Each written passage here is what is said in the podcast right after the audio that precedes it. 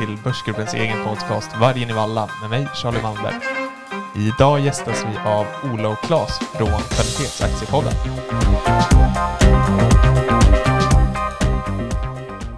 Hej Ola och Klas! Vad kul att ni ville vara med i podcasten den här veckan. Jag tänker att ni får väl presentera er själva och berätta vad ni sysslar med. Ja, eh, vi eh, håller ju på med investeringar och har gjort det under ganska lång tid eh, i, i bolagsform då faktiskt. Eh, började redan 2004 och har sedan dess drivit eh, ett investeringsbolag. Eh, och eh, det var jag som började och drog igång det här då och sen har Claes kommit med här längs vägen. Eh, Claes och jag gick ju tillsammans på i-linjen i, i Linköping. Så att det är så vi känner varandra och podden drog vi igång för tre år sedan för att vi ville ja, få ut värdeinvestering eh, som eh, investeringsstrategi då, till fler människor och eh, dessutom tyckte vi det var ett roligt sätt och, för Claes att komma in också i investeringar. Han har inte hållit på så mycket med det så att eh, ja, det, så är det väl. Mm. Ja, nej, jag heter Claes då. Det, är ju, det har ju blivit lite mer investeringar nu de senaste åren kan man ju lugnt säga.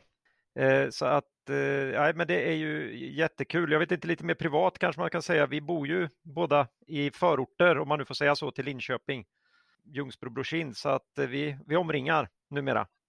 I, var, I varsin idyll, får man säga det Ola? ja, kan man göra. Ja, lite olika sorters vatten bara. Mm. Ja. så att, nej, vi är väldigt förankrade här numera. Mm. Mm. Ni nämnde det att ni båda hade pluggat på Linköpings universitet. Vad var det ni pluggade här? Vi läste I-linjen, eh, började 96 tillsammans då, Claes och jag, och eh, sen gjorde vi faktiskt examensarbete tillsammans också.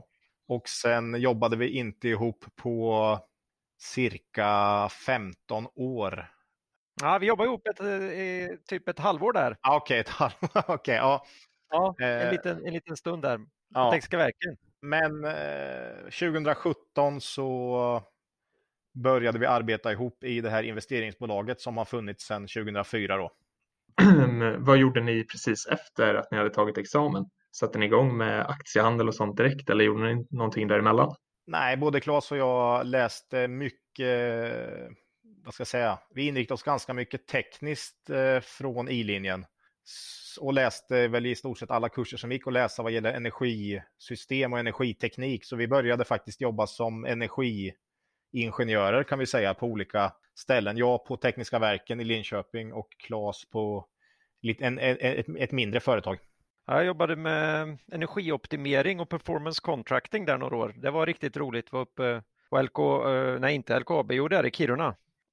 Och eh, nej, du vet, jag blandar in SSAB här nu. Det är mycket intressanta affärer på gång där som kritiseras och då blir man så här. Nej, LKAB. Eh, det var spännande att få åka upp där och se vilken energiomsättning de har. Då börjar man förstå lite grann vad, vad Sverige kommer ifrån. Vattnet och skogen och stålet. Liksom. Verkligen. Men nu är det bolagsanalys och aktiehandel som ja, gäller. det är det ju. Eh, har varit under lång tid för mig. Eh, så att ja, det är det vi gör på dagarna. Och så lite podd då. Vad, eh, vad, vad kommer det här eh, intresset för bolagsanalys ifrån? Hur började det? Var det redan under studietiden eller är det någonting som har vuxit fram senare? Ja, under studietiden var det ju absolut inte. Alltså det är inget, det är inget som kommer sedan tidiga, tidiga år för mig, utan under studietiden var det väl lite slentrian eh, investeringar i IT-håsen där 99 98, 99, men eh, det gick ju som de flesta vet inte så där jättebra för de IT-bolagen sen då. Eh, men, eh, någonstans 2003 började jag väl intressera mig för investeringar på riktigt igen och läste en hel del om Warren Buffett och värdeinvestering och ja, beslutade mig för att liksom testa en helt annan typ av strategi istället för den här följa John strategin och lyssna på vad andra säger och, och, och, investera i det, i det man pratar om på fikarasten så att säga. Så eh, det var väl då det kom. 2004. nu, nu Ola investerar ju du i det vi pratar om på fikarasterna. Eh, ja, precis, men det är helt annat då. ja. ja. Ja. Nej, ja. jag, jag har ju inte, jag började ju, jag har ju pratat aktier med Ola sedan han började ordentligt där 2003, ganska mycket och bolag och sådär, men det har mer handlat om det här med filosofin redan från början. Jag kom ju in från det hållet, så jag är ju väldigt marinerad i, i, i, i det här fundamentala. Eh, men jag har egentligen inte lagt någon tid på egna analyser förrän jag kom in i, ja, förrän jag kom in i bolaget 2017 och efter det har det blivit betydligt mer Eh, säger jag för transparensens skull också att jag konsultar faktiskt en del fortfarande. Jag hann ju bli eh, en av få experter på energibeskattning i Sverige då under de här åren jag var på Tekniska verken, så det har blivit lite kvar, men det blir mindre och mindre av det i takt med att ja, vårt investeringsföretag eh, växer och mer onoterade bolag och så där. Så att, eh, men det är ju fruktansvärt kul att hålla på med fundamental analys. Alltså. Det är jätteroligt. Ja, verkligen. Det är nog många av våra lyssnare som tycker också. Ni driver ju en egen podcast också, Kvalitetsaktiepodden. Hur kommer det sig att ni började med den? Ja, men det var ju eh, när jag kom in i bolaget här då så kände jag att vi satt ju mycket och pratade om aktier eh, och eh, pratade väldigt mycket filosofi. Och jag hade ju märkt det redan innan jag kom in att eh, Ola pratar om aktiehandel på ett helt annat sätt än vad alla andra som jag vet som är intresserade av aktier gör. Och han var den enda som var långsiktigt framgångsrik skulle jag vilja säga. Eh, och det tyckte jag var väldigt intressant. Så då tyckte jag att det här ska vi göra en podcast av. Och eh, vi hade inga stora förväntningar. Vi sa, får vi tusen pers över tid så då kör vi. Och eh, Ola var redan lite uppvärmd av en annan kompis, har jag fått reda på senare, så att han var liksom väldigt beredd att hoppa igång. Eh, det var väl det att han hade kunnat tycka det var lite tråkigt att sitta ensam och podcasta. Så att eh, nej, jag tycker det ger oerhört mycket. Det, hjälp, det gör att vi Ja, men man, man måste verk, man vänder ut och in på sina case en gång till. Jag vet inte vad du, vad du eh, känner, Ola? Jo, men det är roligt. Eh, vi vill gärna komma ut med värdeinvestering som filosofi. Vi tycker det får lite för lite eh, plats i media generellt. Och dessutom så gör det ju en själv vassare om man ska prata då inför eh, lyssnare då det är ju lätt att ljuga för sig själv så att säga. Eh, men, men lite svårare och du, du, du, du vill ju inte sitta och prata om något som du inte känner att du har koll på så att säga. Så att det, det gör... Ja, det, är ju min, det, det är ju min roll i podden. Här. Ja. Mm. det gör oss bättre känner jag. Eh, så att det är liksom, eh, ja, det känns bra på alla sätt tycker jag. Ni, känner ni att ni lär er själva av att göra den här podcasten? Ja, eh, definitivt. Definitivt har, ja. tycker jag att vi har blivit bättre på investeringar sedan vi började med podden och då har man ändå hållit på i 15 år innan liksom. Eh, så man har ju lärt sig mycket men nej, det, du lär dig saker genom att prata inför andra, helt klart alltså. Och ett av våra största innehav nu, Aspire Global, har ju vi fått via podden kan man säga det var ju tack vare att det var lyssnare som var intresserade och man hörde av sig och då tyckte vi att ja, men ska vi inte ta en intervju med dem där då? Och i det läget var ju inte vi det, inte det minst intresserade av bolaget. Men eh, med tiden så de, de fick chansen att utvecklas och vi följde dem och efter ett tag kände man att historiken fanns där och man började lita på ledningen och sådär.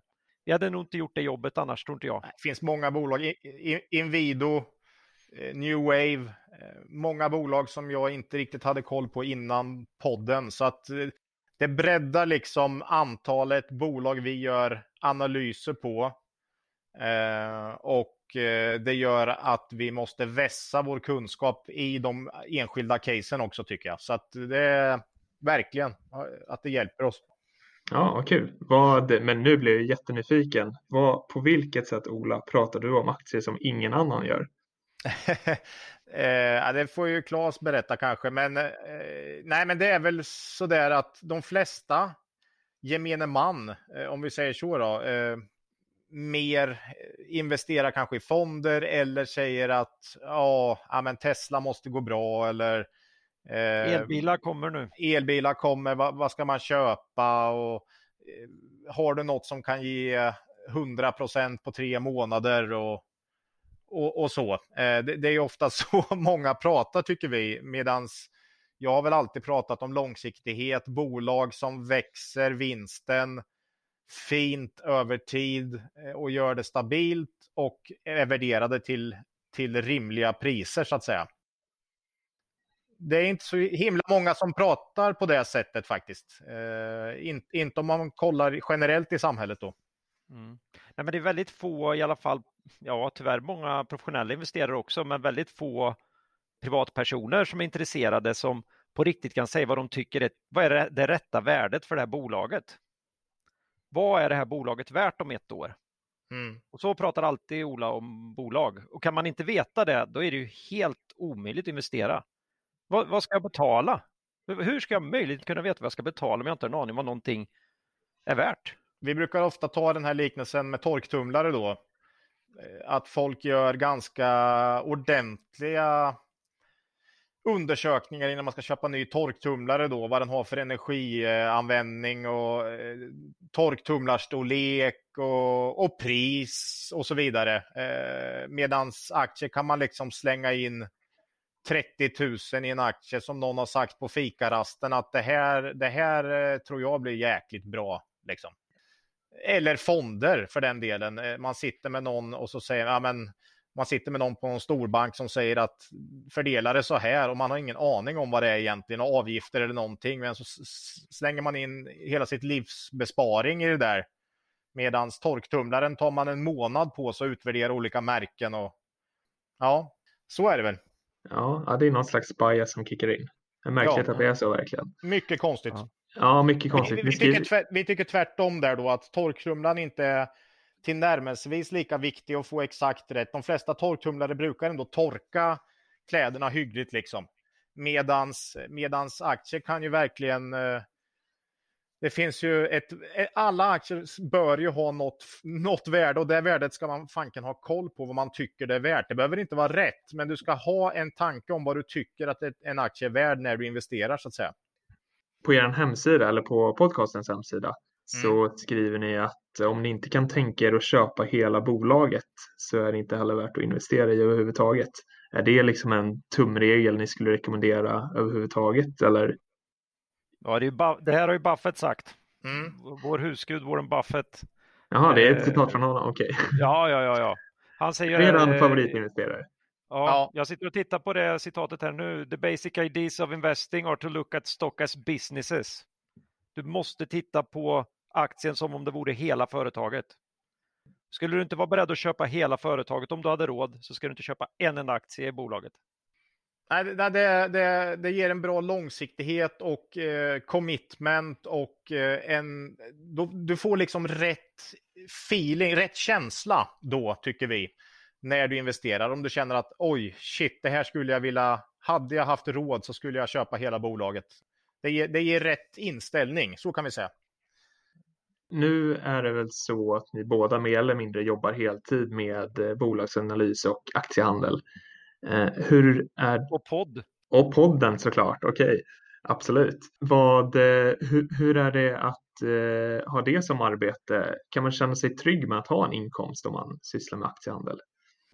Ja, först och främst då, det är superkul tycker vi att jobba med det här och eh, ja, något Eh, det är kul att gå upp varje morgon eh, och jobba med aktieanalys och investeringar tycker vi. Sen handlar ju allt om hur mycket kapital man har då, eh, om man kan leva på det så att säga. Det finns ju någon gräns för hur lite du kan leva på så att säga. Så att det handlar väl snarare om hur mycket kapital du har. Men över tid så, ja, har du en vettig avkastning och tillräckligt stort kapital så är det klart du kan leva på det. Så är det ju.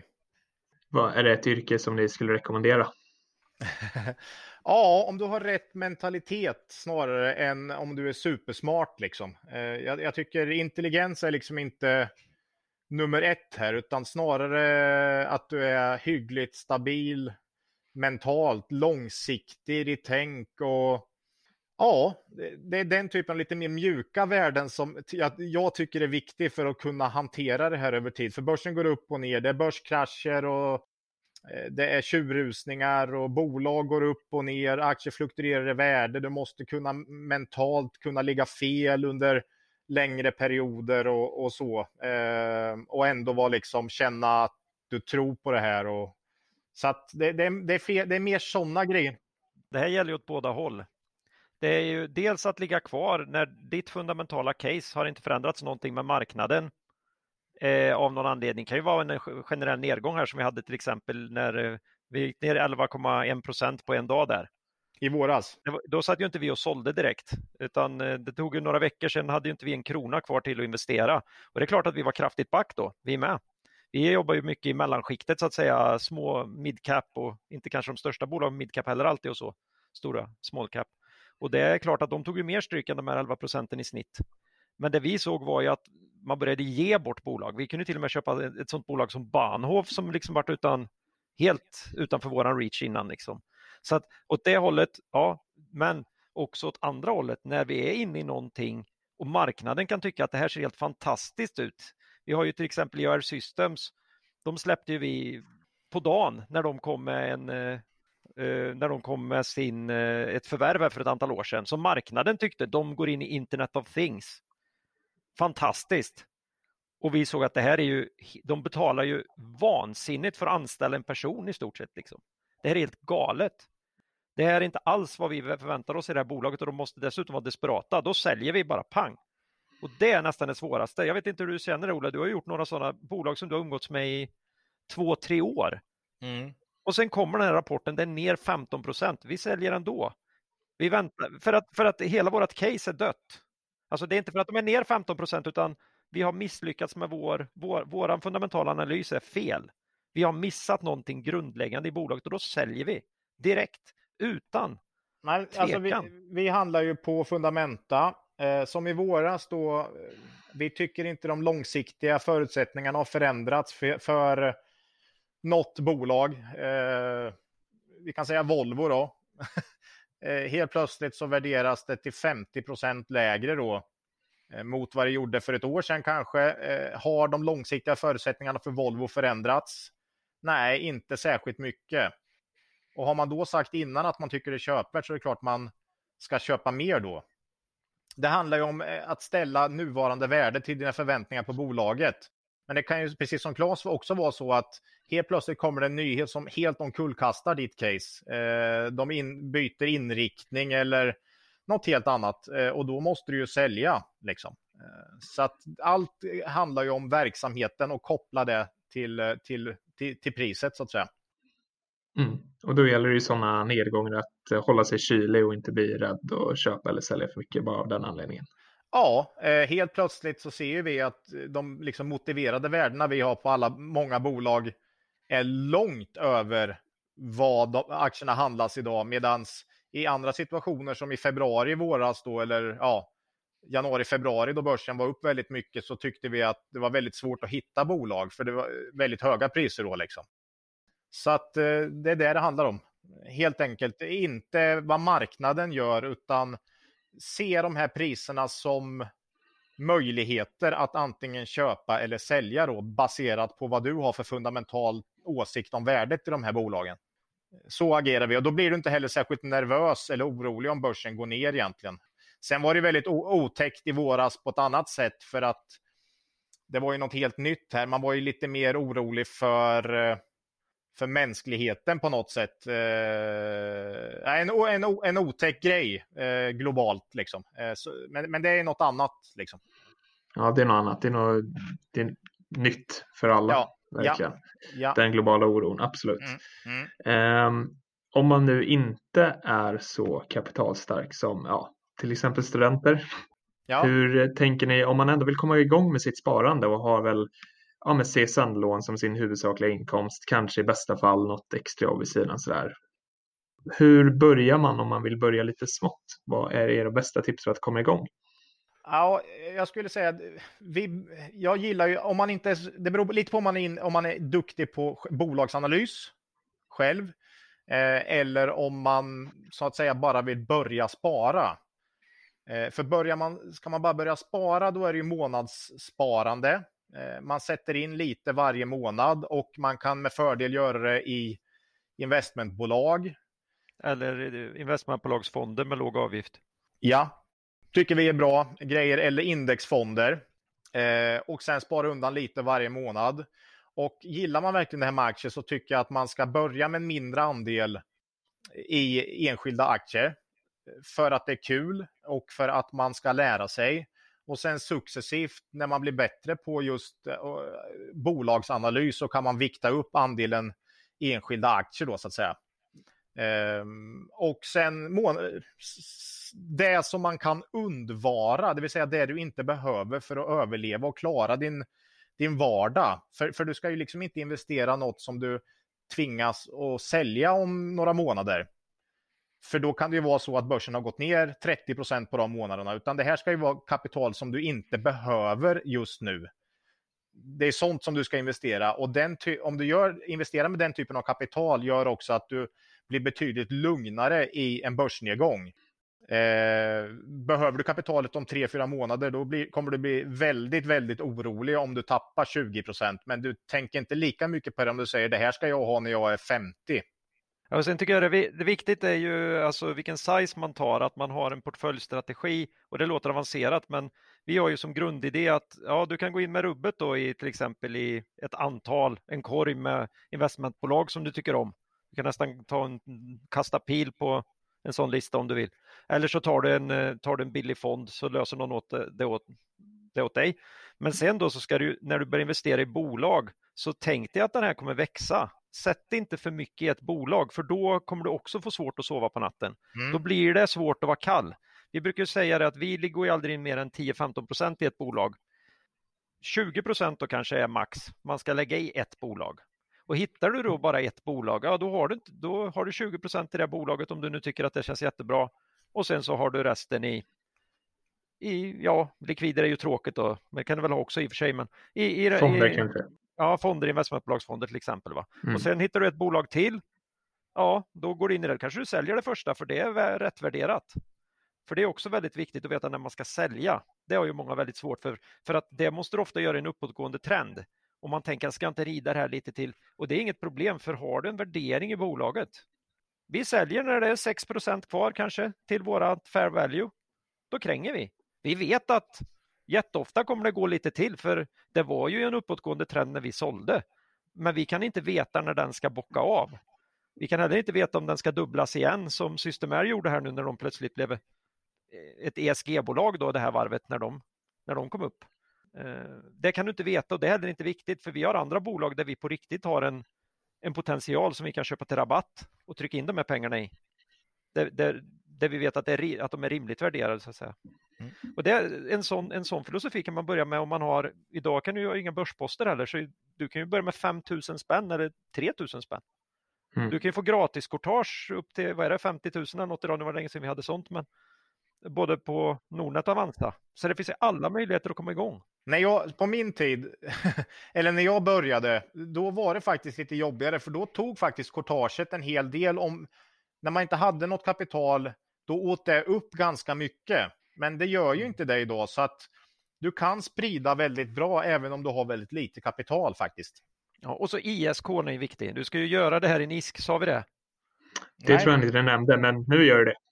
Det måste du ju göra naturligtvis, annars får du hela den här jävla skatteskiten sen att sitta och hålla på och om det, nu, om det nu blir lite trading i den där, eller trading, men mm. du, du omsätter lite aktier i den där och i början kanske man vill experimentera lite och, och hålla på lite. Så ISK är ju en gåva till alla investerare. Ett investeringssparkonto alltså? Ja. Det är det som gäller. Eh, härligt. Eh, jag tänkte, ni har ju nämnt flera gånger nu att ni har tack vare podcasten upptäckt några bolag. Är det något case som ni tittar på nu som ni skulle vilja dela med er av som ni tycker är intressant?